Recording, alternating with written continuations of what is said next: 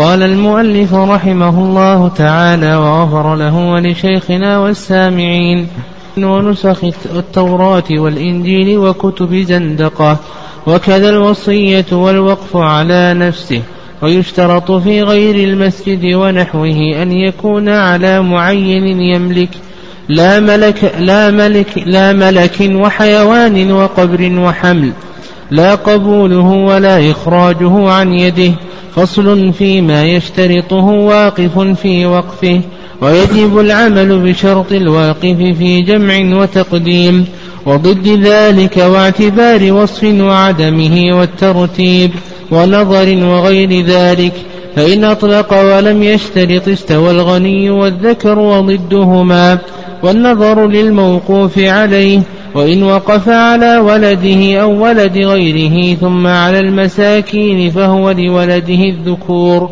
والإناث بالسوية ثم ولد بنيه دون بناته كما لو قال على ولد ولده وذريته لصلبه. تقدم لنا شيء من أحكام الوقف. قبل ذلك تكلمنا عن شيء من جهات إثبات النسب فتكلمنا على جهة الاستلحاق وجهة البينة جهة القافة إلى آخره. ثم بعد ذلك شرعنا في أحكام الوقف ذكرنا تعريفه في اللغة والاصطلاح وأنه تحبيس الأصل وتسبيل المنفعة. ذكرنا معنى ذلك. وهل الوقف مما اختص به المسلمون أو أنه من الأشياء التي لم يختص بها المسلمون. تكلمنا على هذه المسألة وعن أول وقف إلى آخره. وهل يشترط أن يكون الوقف في العقارات أو يصح حتى ولو كان في المنقولات؟ وكذلك أيضا هل يشترط بقاء الوقف بمعنى أن يكون البقاء دائما أو بقاء المنفعة دائمة أو أنه يصح أن توقف الأعيان التي تفنى باستيفاء المنفعة منها إلى آخره. كذلك أيضا ما يتعلق بوقف المنافع. تكلمنا عليها وقف المنافع. ها؟ وقف المنفعة؟ ها؟ تكلمنا طيب. وقف المنفعة إذا وقف منفعة كما لو قال سكن هذه البيت أو منفعة هذا الدكان لمدة سنة أو لمدة سنتين وقف على طلبة العلم فهل يصح وقف المنافع أو لا يصح؟ ذكرنا كلام أهل العلم رحمهم الله في ذلك وأن الصواب أن وقف المنفعة صحيح وأنه لا يشترط أن يكون الوقف عينا. فيصح حتى ولو كان منفعة إلى آخره. وكذلك أيضا إذا هل يشترط أن يكون على بر وقربة أو لا؟ تكلمنا على هذه المسألة وأن هذا وأن فيه تفصيلا إلى آخره. ثم قال المؤلف رحمه الله تعالى نعم. ونسخ التوراة والإنجيل وكتب زندقة إلى آخره. أيصح الوقف على مثل هذه الأشياء؟ لأنها من المحرمات. والله عز وجل يقول وتعاونوا على البر والتقوى ولا تعاونوا على الإثم والعدوان. قال وكذا الوصية يعني الأحكام السابقة تشترك. يعني ما يتعلق بأن يكون على بر إلى آخره. تشترك في هذا الحكم الوصية وسيأتي إن شاء الله. فكما لا يصح الوقف على الكنائس وعلى نسخ التوراة والإنجيل وكتب الزندقة ونحو ذلك أيضا لا تصح الوصية بهذه الأشياء. قال المؤلف والوقف على نفسه. هذا الشرط الثالث. الشرط الثالث من شروط صحة الوقف ألا يكون الوقف على نفسه. قال الإمام أحمد رحمه الله لا أعرف الوقف إلا ما أخرجه لله تعالى أو في سبيله. يقول الإمام أحمد لا أعرف الوقف إلا ما أخرجه لله تعالى أو في سبيله. فإذا وقف على نفسه قال هذا البيت وقف عليه إلى أن أموت ثم بعد ذلك يصرف لأولادي وقف على أولادي أو يصرف على الفقراء أو على المساكين إلى آخره. فهل يصح هذا الوقف أو لا يصح؟ المؤلف رحمه الله تعالى يقول بأن هذا لا يصح. وهذا هو المشهور من المذهب وهو قول أكثر أهل العلم. والرأي الثاني وهو رأي أبي حنيفة أن هذا الوقف صحيح. أما الحنابلة ومن وافقهم كما ذكرنا مذهب الشافعية والمالكية أنه لا يصح الوقف على نفسه استدلوا على ذلك بحيث عمر فإنه لما وقف وقفه قال النبي صلى الله عليه وسلم إن شئت حبست أصلها وتصدقت بها. فقوله عليه الصلاة والسلام صدقت بها المقصود بذلك الصدقة على النفس أو الصدقة على الغير. ها؟ المقصود الصدقة على الغير. لأنه هو يريد أن يريد الآن أن يخرجها. قال إن شئت حبست أصلها وتصدقت به.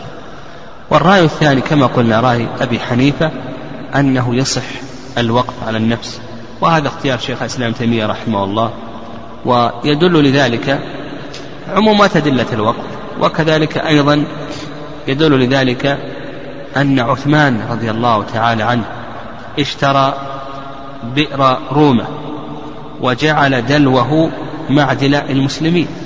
نعم جعل دلوه فيها معدل معدل المسلمين. وكذلك أيضا عمر رضي الله تعالى عنه وقف بيتا وسكنها إلى أن مات. مثل ذلك أيضا الزبير رضي الله تعالى عنه. نعم الزبير رضي الله تعالى عنه. ولأن هذا فيه مصلحة فيه مصلحة للواقف. ما هي مصلحة الواقف؟ الواقف مصلحته من وجهين. الوجه الأول أنه يمنع نفسه من التصرفات في هذا العقار. مثلا إذا قال هذا البيت وقف علي ثم على الفقراء أو على المساكين أو على أولادي إلى آخره يمنع نفسه من التصرف فيه. لا يتمكن من بيعه ولا هبته إلى آخره. هذا الوجه الأول فيه مصلحة له. والمصلحة الثانية مصلحة أنه يستفيد منه. يستفيد منه في حياته وبعد مماته يكون قربة وصدقة جارية له ففيه مصلحة له في الحياة في الممات. وما دام أن فيه أن فيه مصلحة ها فإن الشارع لا يمنع ما فيه مصلحة أو ما فيه مصالح العباد إذ إن الشريعة بنيت على مصالح العباد. فالصواب في ذلك أنه إذا وقف على نفسه قال مثلا هذا البيت وقف عليه. ثم بذلك على أولاده أو على الفقراء أو على المساكين نحو ذلك. تقول بأن هذا جائز ولا بأس به ولا محذور شرعي به بل فيه كما ذكرنا فيه مصلحة. قال وأيضا فيه ترغيب في فعل الخير كما ذكر مرداوي رحمه الله ترغيب في فعل الخير. يعني هو الآن يستفيد منه. لأن بعض الناس قد يشح بالمال في حال حياته ويوقفها الآن على نفسه ثم على الفقراء أو على طلاب العلم أو على جمعية البر يستفيد منه في حياته. ثم بعد مماته يكون صدقة جارية له. قال رحمه الله ويشترط في غير مسجد ونحوه أن يكون على معين يملك. هذا الشرط الرابع. إذا كان الوقف على غير جهة بأن كان الوقف على معين كما لو وقف على زيد أو عمر أو على أو أولاده نحو ذلك زيد أو عمر أو بكر إلى آخره. وش اشترط؟ قال لك المؤلف رحمه الله إذا كان الوقف إذا على معين وليس على جهة. ماذا يشترط؟ قال لا بد أن يكون معينا وأن يملك. معين يخرج ماذا؟ ها يخرج المبهم. فإذا كان مبهما فإنه لا يصح الوقف. مثل لو قال هذا هذا وقف على أحد هذين الطالبين أو أحد هذين الإمامين إلى آخره أو وقف على أحد طلاب العلم ما يصح. يقول المؤلف لا بد أن يكون معين. وهذه المسألة تقدم الكلام عليها. هذه المسألة تكلمنا عليها في مسألة هذا الأمر الأول أن يكون على معين. الأمر الثاني يملك. لا بد أن يكون هذا المعين ممن يملك. وعلى هذا إذا كان هذا المعين لا يملك فإنه لا يصح الوقف عليه. ومثل المؤلف رحمه الله قال لا ملك. الملك واحد الملائكة والملك لا يملك. وعلى هذا لو قال هذا وقف على جبريل أو على ميكائيل أو إسرافيل ونحو ونحو ذلك ها وش حكم الوقف هنا؟ يقول الوقف هنا غير صحيح وحيوان يقول لك المؤلف لا يصح الوقف على الحيوان لماذا؟ لأن الوقف يشترط فيه كما ذكر المؤلف قرر أن يكون ممن يملك وعلى هذا إذا كان لا يملك فإنه لا يصح. إذا كان لا يملك فإنه لا يصح. فيقول لك المؤلف رحمه الله الوقف لو قال هذا وقف على ناقة زيد. ما يصح. لماذا؟ لأن الناقة لا تملك. والوقف على الحيوان هذا ينقسم إلى قسمين. القسم الأول أن يكون على جهة على جهة. وعلى سبيل على جهة وعلى سبيل العموم. فنقول بأن هذا جائز ولا بأس به. مثل لو قال هذا وقف على خيل الجهاد أو وقف على خيل طلاب العلم أو خيل الفقراء ونحو ذلك أو إبل الفقراء ونحو ذلك. فنقول بأن هذا جائز ولا إشكال في ذلك لأن المقصود هنا الجهة. لكن القسم الثاني أن يكون على سبيل التعيين. مثلا قال هذا وقف على بقرة زيد أو جمل عمر ونحو ذلك. فالمؤلف رحمه الله تعالى يقول يقول بأنه لا لا يصح. والرأي الثاني نعم الرأي اختاره الحارثي من علماء الحنابلة والحارثي له اختيارات قوية. له شرح على المقنع لكنه ليس موجودا. شرحه على المقنع هذا ليس موجودا لكن له اختيارات قوية. أورد كثيرا منها المرداوي رحمه الله تعالى في الإنصاف. الحارثي رحمه الله يختار بأن هذا جائز ولا بأس به ويقول ينفق على هذا الحيوان من هذا الوقف يعني يختار أنه يصح. نعم وهذا يظهر والله أعلم أنه أنه أقرب. نعم أنه لما, لما تقدم أن قررنا أن الوقف فعل خير وقربة فلا يمنع منه إلا لدليل وفي كل كبد في كل كبد رطبة أجر. والنبي صلى الله عليه وسلم غفر الله سبحانه وتعالى غفر للبغي التي سقت كلبا إلى آخره. فالصواب في ذلك الأقرب ما اختاره الحارثي رحمه الله. طيب قال وقبر. يقول لك ما يصح الوقف على القبر؟ لماذا؟ لأن القبر ما يملك. القبر لا يملك. وهذا كما تقدم إن كان على جهة مثل على مقابر على مقابر المسلمين فهذا جائز لا إشكال في ذلك. يصلح تصلح فيها القبور. وترمم وتحفر القبور ونحو ذلك يعني في مصالح المقبرة تحتاج إلى نفقات. فنقول بأن هذا جائز. القسم الثاني إذا كان على معين على قبر زيد أو قبر فلان ونحو ذلك. فهذا إن كان المقصود من ذلك محذور شرعي كان المقصود من ذلك محذورا شرعيا كما تكون الأوقاف على القبور الأولياء. والأضرحة ونحو ذلك كأهل البدع الذين يستعينون بمثل هذه الأوقاف على المحذور الشرعي نقول بأن هذا لا يصح هذا وقف باطل. وإن كان الوقف ليس المقصود منه المحذور الشرعي فالمؤلف رحمه الله يقول أيضا لا يصح.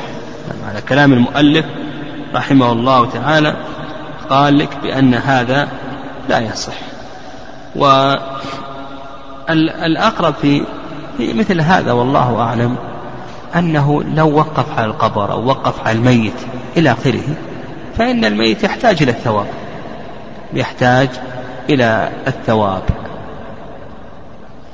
فيصرف في طرق الخير التي يعود أجرها على هذا الميت هذا الذي يظهر الله قال وحمل الوقف عن حمل له حالتان. الحالة الأولى أن يكون تبعا.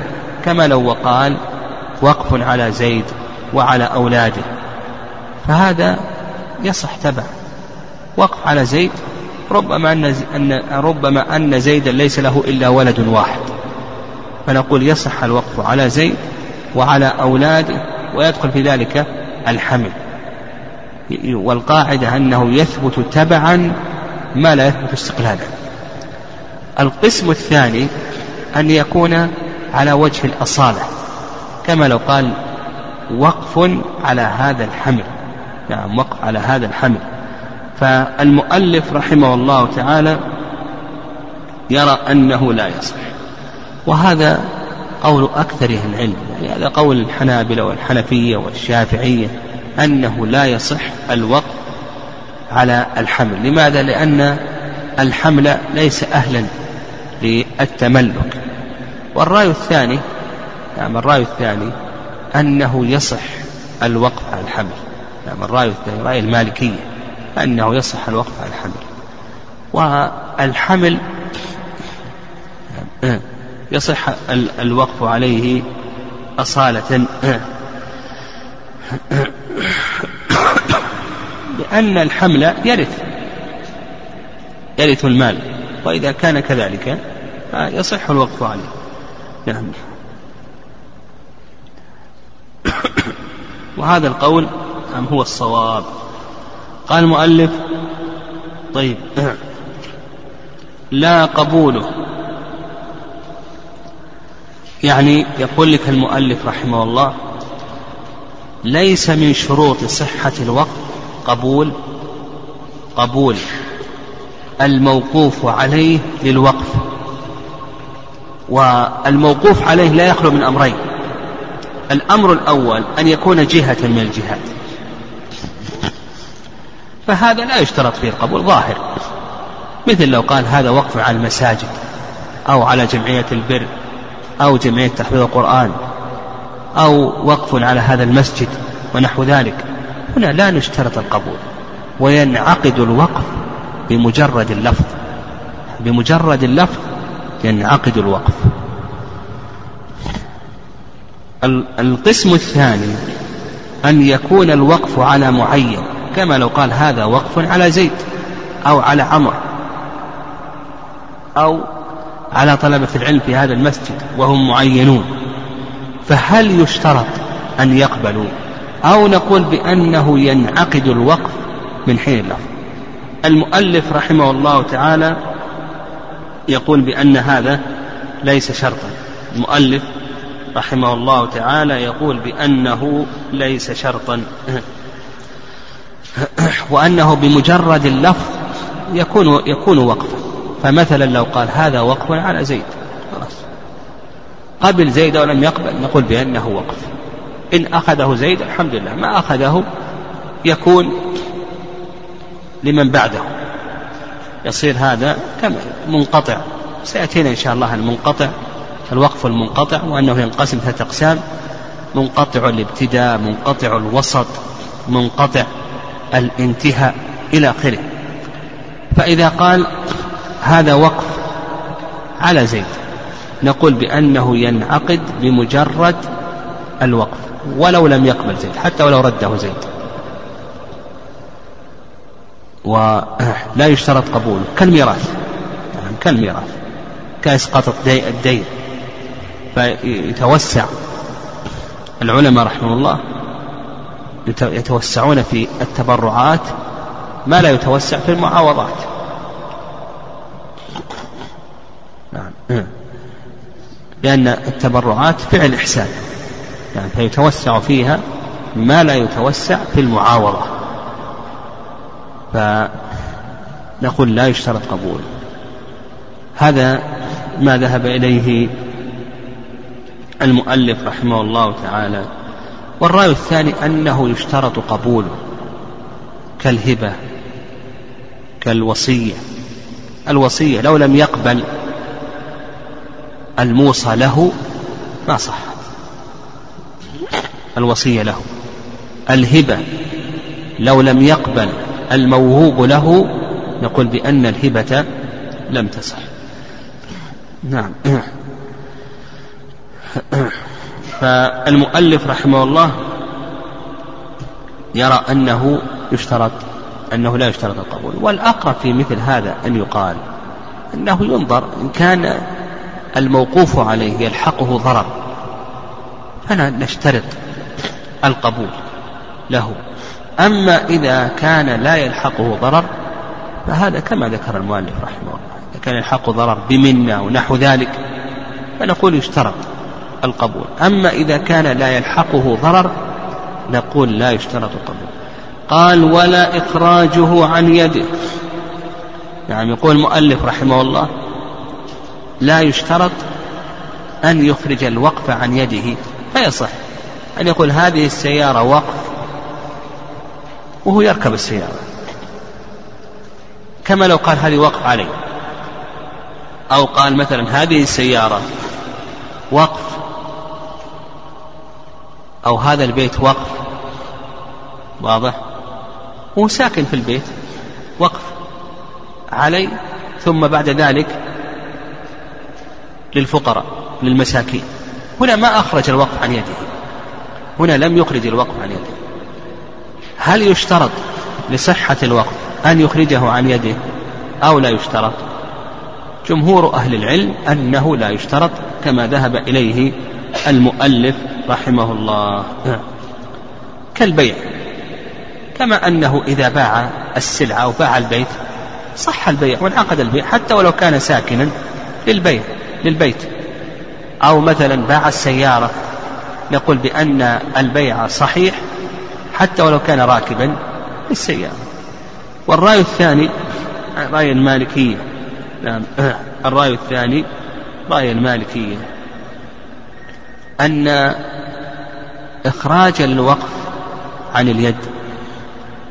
إخراج الوقف عن الواقف إلى موقوف عليه أنه شرط لتمام الوقف يعني لا يعتبرون لا يعتبرونه شرط صحة وإنما هم يعتبرونه شرط ماذا؟ شرط تمام. شرط تمام. بحيث لو حصل مانع من الموانع هم يذكرون موانع إلى آخره. لو حصل مانع من الموانع قبل إخراجه عن يده فإن الوقف يرون أنه يبطل ولا يصح. يعني لو حصل مانع يرون أنه يبطل ولا يصح. نعم. نعم والصحيح في ذلك ما ذهب إليه أكثر أهل العلم رحمهم الله وأن الوقف لا يشترط إخراجه من اليد. يصح حتى وإن كان في يد الواقف. نعم. قال المؤلف فصل ويجب العمل بشرط الواقف بقينا في مسألة مهمة وهي انقطاع الوقف. يعني انقطاع الوقف. الوقف من حيث الانقطاع. يقسمه العلماء رحمهم الله تعالى إلى ثلاثة أقسام. ومن العلماء ينقسمه إلى خمسة أقسام إلى آخره لكنها ترجع إلى الثلاثة. ينقسم إلى ثلاثة أقسام. القسم الأول القسم الأول منقطع الابتداء. القسم الأول منقطع الابتداء. وحكمه أنه يصرف إلى من بعده. وهو أن يقف على من لا يصح الوقف عليه. فنقول أن يقف ابتداء على من لا يصح الوقف عليه.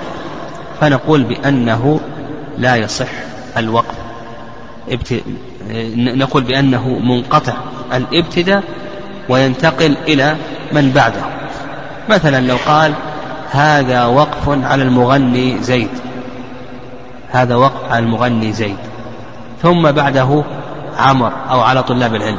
أو إيش نقول هنا؟ نقول بأن الوقف هنا منقطع الابتداء. وش حكم الوقف هنا؟ ننتقل إلى من بعده. هذا ال ال ال القسم الأول. القسم الثاني أن يكون الوقف منقطع. الوسط.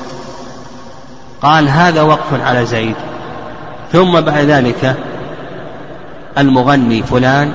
ثم بعد ذلك على طلاب العلم. فنقول يصح الوقف ابتداء يأخذه زيد. ثم بعد ذلك بعد أن يأخذه زيد ويموت ها ينتقل إلى طلاب العلم. أما الوقف المغني إلى آخره فنقول بأنه لا يصح. القسم الثالث أن يكون الوقف منقطع الانتهاء وهذا هو اللي كثير. يعني تجد أوقاف الآن انقطعت. يعني انقطع الانتهاء. مثل أيضا لو قال هذا وقف على نفسي ثم أخذه ثم مات. نعم ولم يذكر جهة بعده إلى آخره. نعم منقطع الانتهاء. وهذا موضع خلاف كثير بين العلماء رحمهم الله فيما يتعلق بمنقطع الانتهاء. يعني ولنفرض أنه قال هذا وقف على زيد ثم عمر. أخذه زيد ومات. أخذه عمر ومات. طيب وش نسوي بالوقف الآن؟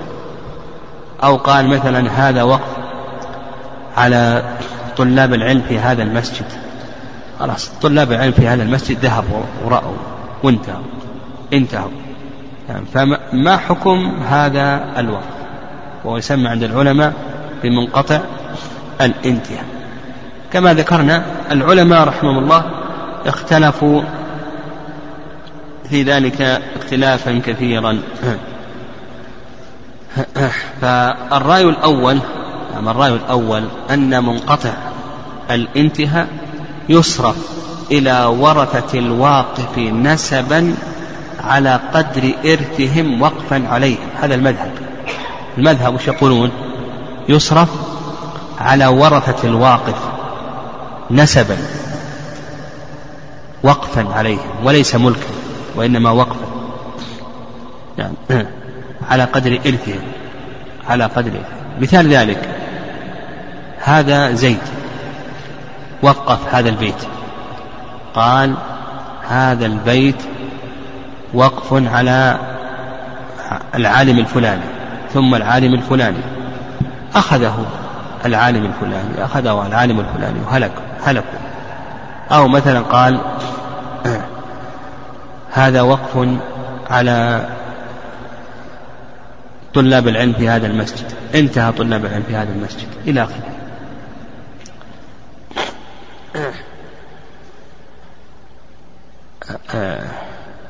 انقرضوا. ما حكم الوقف ما حكم. المذهب أنه يكون ماذا؟ ها؟ يكون لورثة الواقف نسبا على قدر ميراثهم وقفا عليه فإذا فرضنا أن هذا زيد الذي وقف هذا البيت هلك وله زوجة. وله أولاد. له زوجة وله أولاد. من يكون له الوقف ها؟ يكون للأولاد طيب الزوجة ليس لها شيء لأنها ترث عن طريق الزوجية. ما ترث عن طريق النسب. طيب. نفرض أنها زيد هذا هلك. نعم. وله معتق. وزوجة. ها؟ له معتق وزوجة. هل له شيء المعتق؟ ها؟ ليس له شيء لأنه يرث عن طريق الولد. الزوجة هل لها شيء من الوقف؟ لا. يرث ترث عن طريق الزوجة فيكون ويكون وقفا عليهم أيضا على قدر مواريثهم. مثلا الأولاد يكون للذكر مثل حظ الأنثيين. هذا هو الرأي الأول وهو مذهب الحنابلة. والرأي الثاني أنه يصرف على المساكين وهذا اختيار ابن قدامة رحمه الله لأن المساكين لأن أغلب مصارف الأوقاف يكون لمن؟ يكون للمساكين. والرأي الثالث أنه يصرف في المصالح. نعم الرأي الثالث أنه يصرف في مصالح المسلمين. نعم أنه يصرف في مصالح المسلمين. وهذا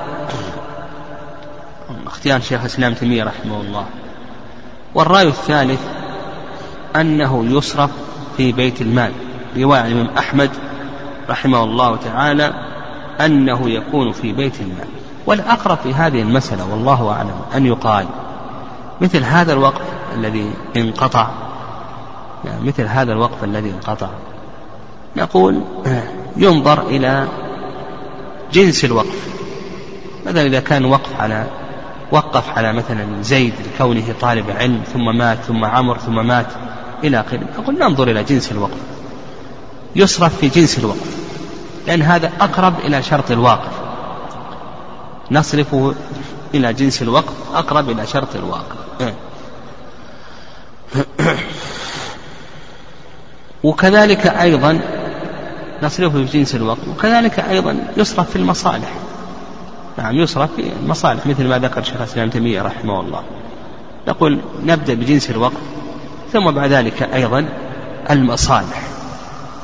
نعم لو كان مثلا جنس الوقف غير غير موجود الآن. نعم غير موجود. إلى آخره. فنقول يصرف في مصالح المسلمين. ومما يدخل في المصالح.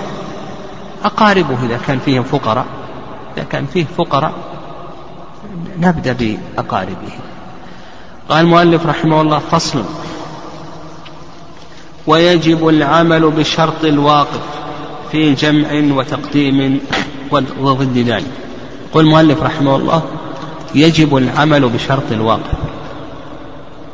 ويدل لذلك قول الله عز وجل يا أيها الذين آمنوا أوفوا بالعقود والأمر بإيفاء العقد يتضمن إيفاء أصله ووصفه ومن وصفه الشرط فيه.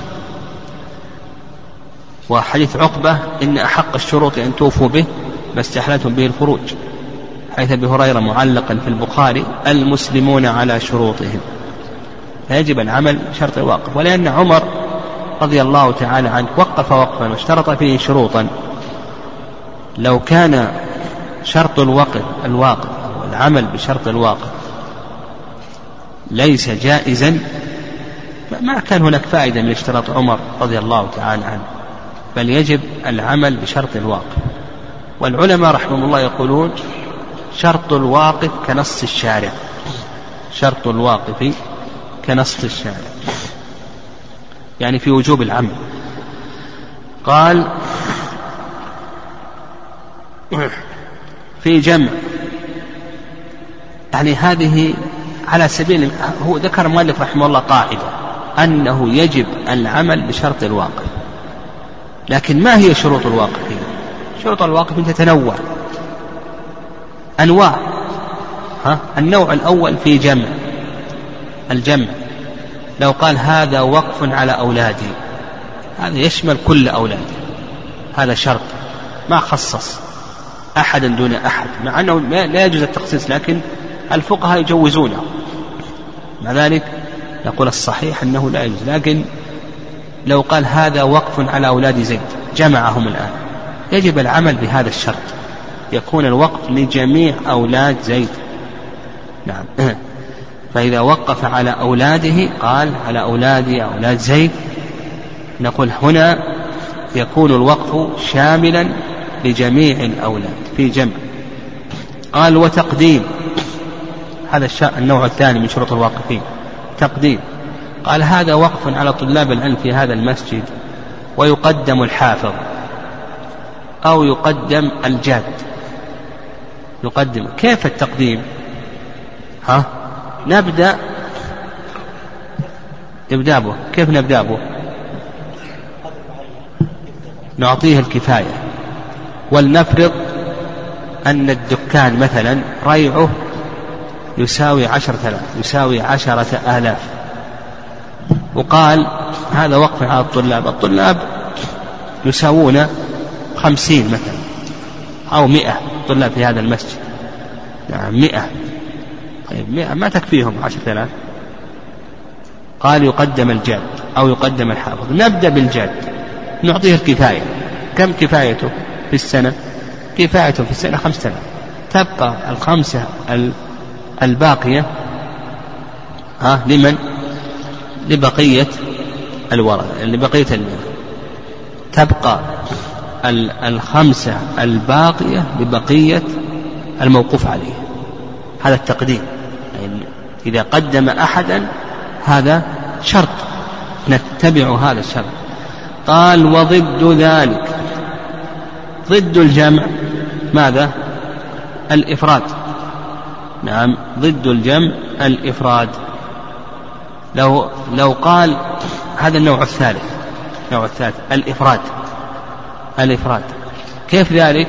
قال هذا وقف على طالب العلم زيد ثم بقية ذلك الطلاب. كيف نصرفه؟ ها؟ في التقديم لو لو قال يقدم زيد وش نعطي زيد؟ الكفاية. لكن هنا وش نعطيه نعطيه جميع الوقف. لو قال هذا وقف على زيد ثم بقية الطلبة. نعطي الوقف كله لزيد.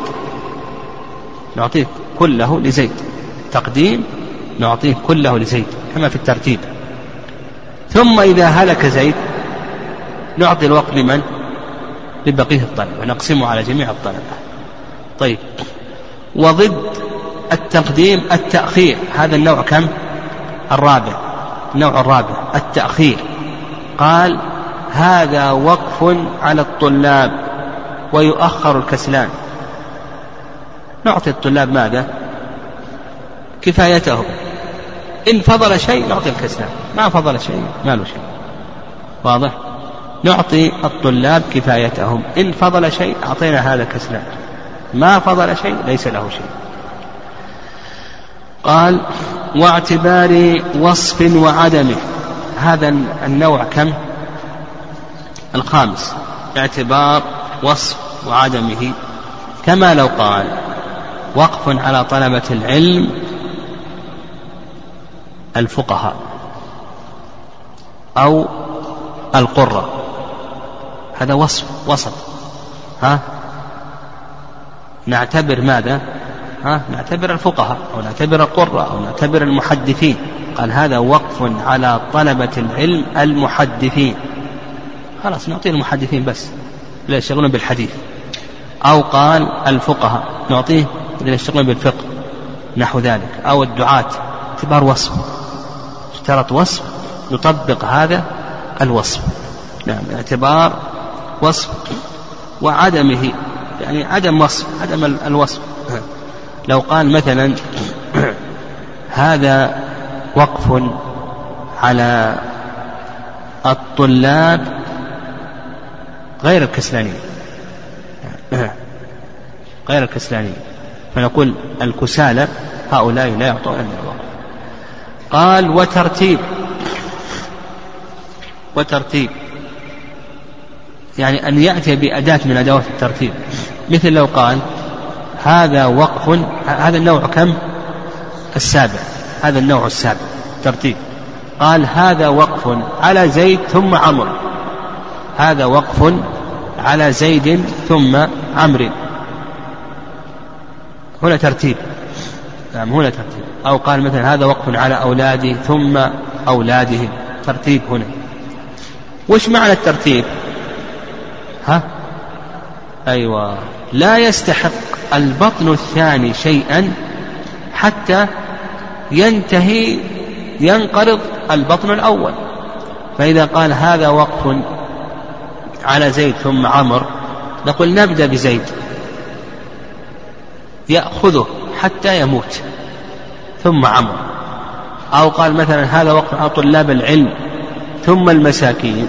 نبدأ بطلاب العلم إلى أن ينتهوا. ثم نشرع بأي شيء؟ بالمساكين هذا الترتيب. قال ونظر. هذا النوع الثامن ها؟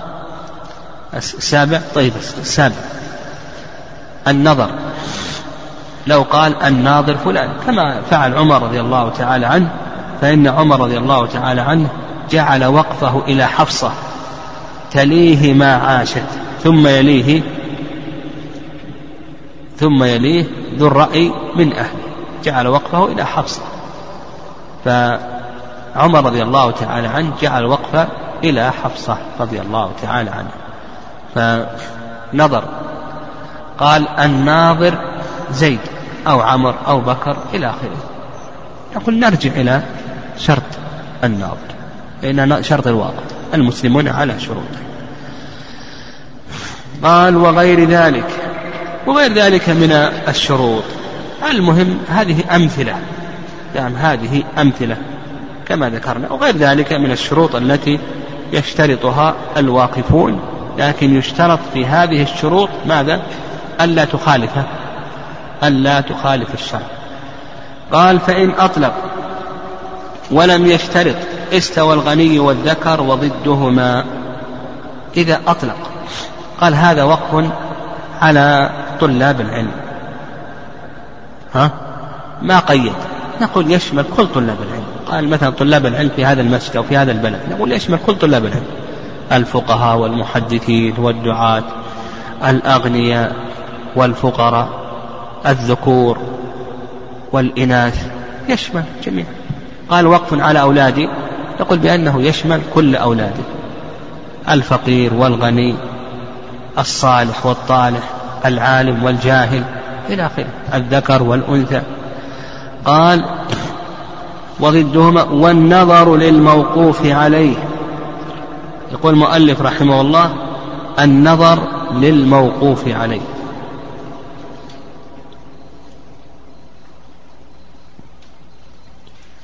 النظر للموقوف عليه. إذا لم يشترط ناظرا لمن يكون النظر؟ إن اشترط ناظرا ها؟ فالمسلمون على شروطه. لكن إذا لم يشترط ناظرا أطلق. ولم يشترط ناظرا فلمن النظر؟ نقول بأن هذا لا يخلو من أمرين. الوقف لا يخلو من أمرين. الأمر الأول أن يكون على جهة كالمسجد أو المساجد أو جمعيات البر أو جمعيات تحفيظ القرآن وغير ذلك. فالنظر هنا يكون لمن؟ نعم النظر نقول بأنه يكون للإمام الإمام السلطان ولي من لا ولي له؟ الإمام ونواب الإمام الآن وزارة الشؤون الإسلامية نحو ذلك. إلى آخره تتولى مثل هذه الأمور يعني حسب التنظيمات. القسم الثاني أن يكون الوقف على معين. أن يكون الوقف على معين. ليس على جهة وإنما على معين. كما لو قال على أولادي أو على زيد فنقول النظر للموقوف عليه. إذا كان على معين فنقول بأن النظر للموقوف عليه. مثلا قال هذا وقف على أولادي النظر لجميع الأولاد ما دام معين. كل أولاد يتولون النظر. يتولون النظر على الوقف. إن اتفقوا على أن يقوم به زيد من الأولاد له ذلك. النظر على طلاب العلم في هذا المسجد وهم محصورون ها يقول بأن النظر يكون لمن؟ يكون لجميعهم. يقول النظر يكون لجميعهم وهكذا. قال رحمه الله وإن وقف على ولده أو ولد غيره ثم على المساكين فهو لولده الذكور والإناث بالسوية ثم ولد بنيه دون بناته. كما لو قال على ولده على ولد ولده وذريته لصلبه ولو قال على بنيه إلى آخره. هذه مسألة مهمة وترد ترد, ترد كثيرا في أوقاف الناس. يقول هذا وقف على أولادي. هذا البيت وقف على أولادي. من يدخل في هذا الوقف؟ ومن لا يدخل في هذا الوقف؟ إذا قال هذا وقف على أولاده قال لك وإن وقف على ولده أو ولد غيره ثم على المسألة فهو لولده. نقول إذا كان قال هذا وقف على أولاده من يدخل؟ قال لولده الذكور والإناث بالسوية. أولا نقول أولا أنه يشمل الذكور والإناث. هذا محل اتفاق هذا الأمر الأول. طيب الأمر الثاني هل يدخل في الوقف الحادثون الأولاد الحادثون؟ هو الآن قال هذا البيت وقف على أولاده عنده خمس أولاد ذكور وإناث. بعد أن وقف ولد له ولد هل يدخل الحادث أو نقول بأن الحادث لا يدخل؟ ها؟ المذهب أنه ما يدخل الحادث. يشمل ماذا؟ من؟ ها؟ يشمل الموجودين فقط. أما الحادثون فالمشهور من المذهب أنه لا يدخل الحادث أنه لا يدخل الحادث. وهذا هو المذهب. والرواية الثانية أن الحادث يدخل. نعم أن الحادث يدخل. وهذا القول هو الصواب. الصواب أن أنه إذا ولد له تجدد له ولد نقول بأنه يدخل لقول النبي صلى الله عليه وسلم اتقوا. نعم. اتقوا الله وأعدلوا بين أولادكم. وهذا ليس كالهبة. نعم هذا شيء يتجدد. الوقف منافعه تتجدد شيئا فشيئا. صوابا. أما المذهب فإنهم يقتصرون على مورد النص. قال هذا وقف على أولاده وهؤلاء هم أولاده نعم. هذه المسألة الثانية. ذكرنا المسألة الأولى أنه ماذا؟ يشمل الذكور والإناث. عموما الذكور والإناث والأغنياء. والفقراء والجهال والعلماء. المسألة الثانية هل يدخل الحادثون؟ ها؟ المسألة الثالثة قال لك المؤلف بالسوية. يعني كيف نقسم هذا الوقف قال لك المؤلف يقسم بالسوية. يعني الذكر كالأنثى. نعطي الذكر ريالا ونعطي الأنثى ريالا. مئة مئة. إلى آخره. وهذا ما ذهب إليه المؤلف رحمه الله. وعلتهم في ذلك يقولون بأنه شرك بينهم وإطلاق الشركة تقتضي آه، التسوية. شرك بينهم وإطلاق الشركة تقتضي ماذا؟ تقتضي التسوية. والرأي الثاني أنه يقسم بينهم للذكر مثل حظ الأنثيين.